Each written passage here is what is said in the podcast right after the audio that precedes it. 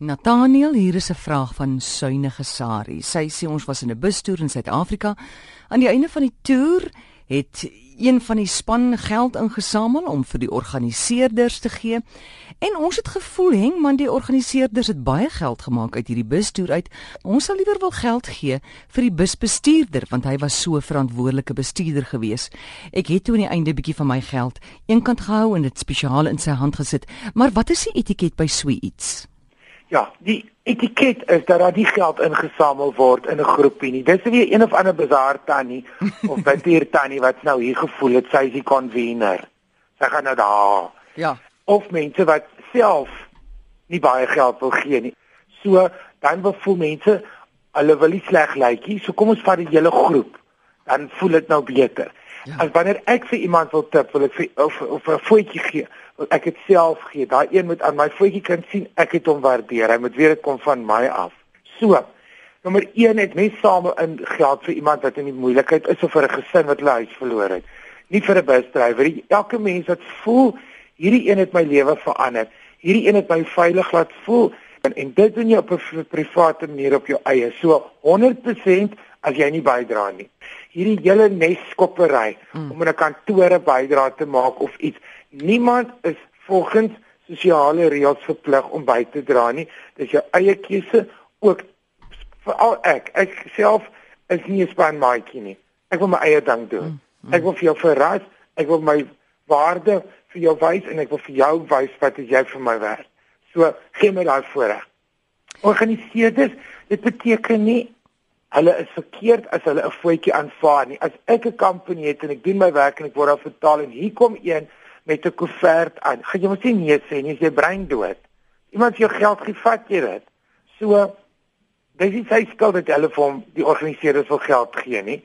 Die organiseerders kan dan as hulle nou regtig voel sê baie dankie, ons gaan dit gee aan die mense wat die bagasie gedra het of ons gaan bydra tot 'n charity waarmee ons maatskappy Dit is of hy gaan dit in sy sak steek as jy vir hom iets gegee het, is dit sy probleem. So moenie die, die organiseerders judge nie. Hulle het nie gevra vir 'n voetjie. Syne gesaar het glad nie synig nie, sy het haar eie tip gegee en dit is wat ek glo is reg. Anoniem sê, ek werk in 'n oopplan kantoor. O, oh, ek kom met met geleerde mense My direkte bestuurder is baie statusbewus. Jong en hy kritiseer gedurig die ander kollegas oor hulle persoonlike lewe, klere drag, ag sommer enige iets. Nou die einste bestuurder sit naby my in hierdie oop plan en hy suig daagliks aan 'n stokkie lekker. Maar sommer kliphard. Eet ook appels en gaan te kere, maar dis 'n klipharde besigheid. Meters van my, ons almal kan hom hoor. Dit is so irriterend. Dit lyk nie asof dit hom plan nie. Wat moet ek doen? Ok, laat ek eers verduidelik. Sy sê hierso geleerde mense. Geleerde mense beteken nie opgevoede mense. En mense moet insig nie. Mense moet nooit iemand judge aan die feit dat daai persoon 'n graad het nie. Ek moet altyd vir mense verduidelik, 'n graad ontvang jy by universiteit by iemand wat reeds 'n graad het. Dit is dieselfde konsep as verkoue. So, jy moet jou glad nie daaraan steur as dit maak iemand nice nie. Dit beteken net hy weet min of meer wat met die werk te doen baie mense besef dit nie. Binnensmond se geleide is die rede hoekom ek single is en sal doodgaan op my eie. Ek het al 'n plek gesit waar 'n vrou en 'n man aan 'n tafel sit dat daai man sip aan sy tee. Dat as ek die vrou was het ek by 'n uitkampwinkel nou vir my 'n panga gaan koop. Ek sal dit nie kon hanteer nie.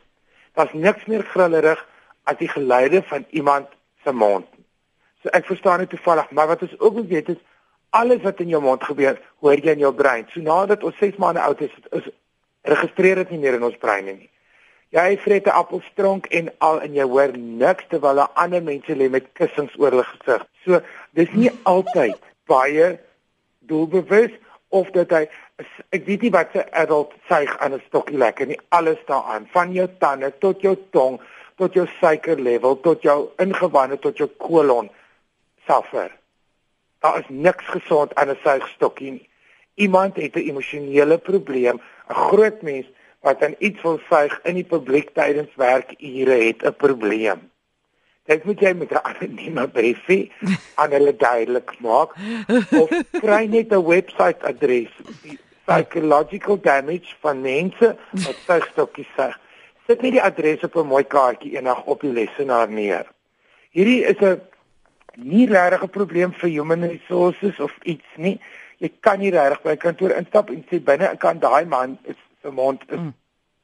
traffic. Ek kan dit nie meer vat nie. So hierdie is 'n baie mooi anonieme briefie of 'n kaartjie of iets en jy moet die dapperheid mm. hê om dit te doen. Die probleem is spreek jy hom aan, gaan daai persoon 'n wrok teen jou hê en môre sit 'n koue aan die nek van 'n hoender om net om jou te irriteer. So um, hou dit anoniem, skryf 'n briefie, mm. gaan praat met iemand, sê ek is allergies vir vers, kan ek 'n desk kry in die ander hoek. Koop vir jou 'n waier, koop vir jou oorfone, 'n balaklava, 'n burka en 'n tafeldoek. Ek weet jy maar doen iets. Want dit is die tipe ding wat jou siel help bestuur. Sjoe. Jy sit en bou 'n wrok daarop, jy visualiseer hierdie persoon se dood later. en dit klink terrible om sulke goed te sê, maar dit is dit is waar hartomleidings, mm. acidity, hartaanvalle, woede, road rage en kindermishandeling vandaan kom wat iewers gaan jy kry en dit op iemand uithaal. So red jou eie lewe en skryf hierdie persoon 'n brief, skuif uit, bedank, immigreer of gaan woon op 'n ander dorp, maar red jouself.